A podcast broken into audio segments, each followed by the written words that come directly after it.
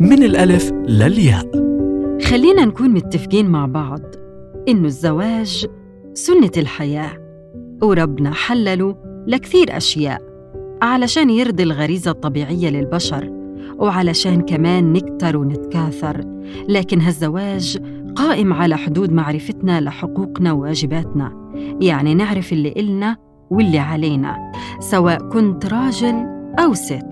لأنه إحنا الاثنين ملزمين نقدم اللي علينا بأفضل صورة ممكنة خاصة لما نكون بدنا نكون أسرة سليمة خالية من الشوائب وعلشان تحفظي حقوقك أكثر تعالي أحكي لك على إشي لازم تعرفيه وفي إطار مصلحتك المستقبلية بتعرف الخانة اللي موجودة في عقد الزواج ومكتوب فيها الشروط الخاصة؟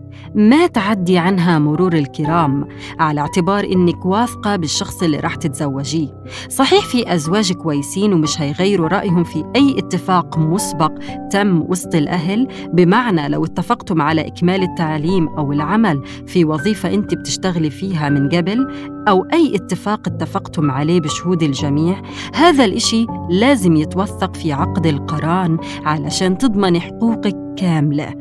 وعلشان ما فيش حاجة اسمها واثقين فيه ومش هيخذلنا. الحياة والتجارب اللي فيها علمتنا نقوي عينينا على شغلاتنا الخاصة وإنه لا ثقة في إشي مش مكتوب عليه ورقة.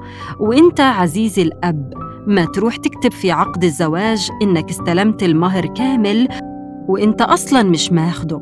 وحتى لو أخذت جزء منه قل للشيخ أنا استلمت كذا وضل كذا علشان ما يجيش يوم من الأيام وتبطلوا عن العريس وتروح تدفع له المهر اللي أنت حاكي عنه.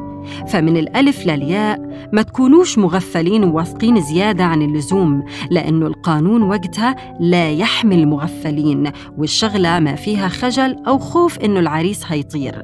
خلينا نآمن بفكرة النصيب والقدر واللي مكتوب له إشي لازم يشوفه. 好的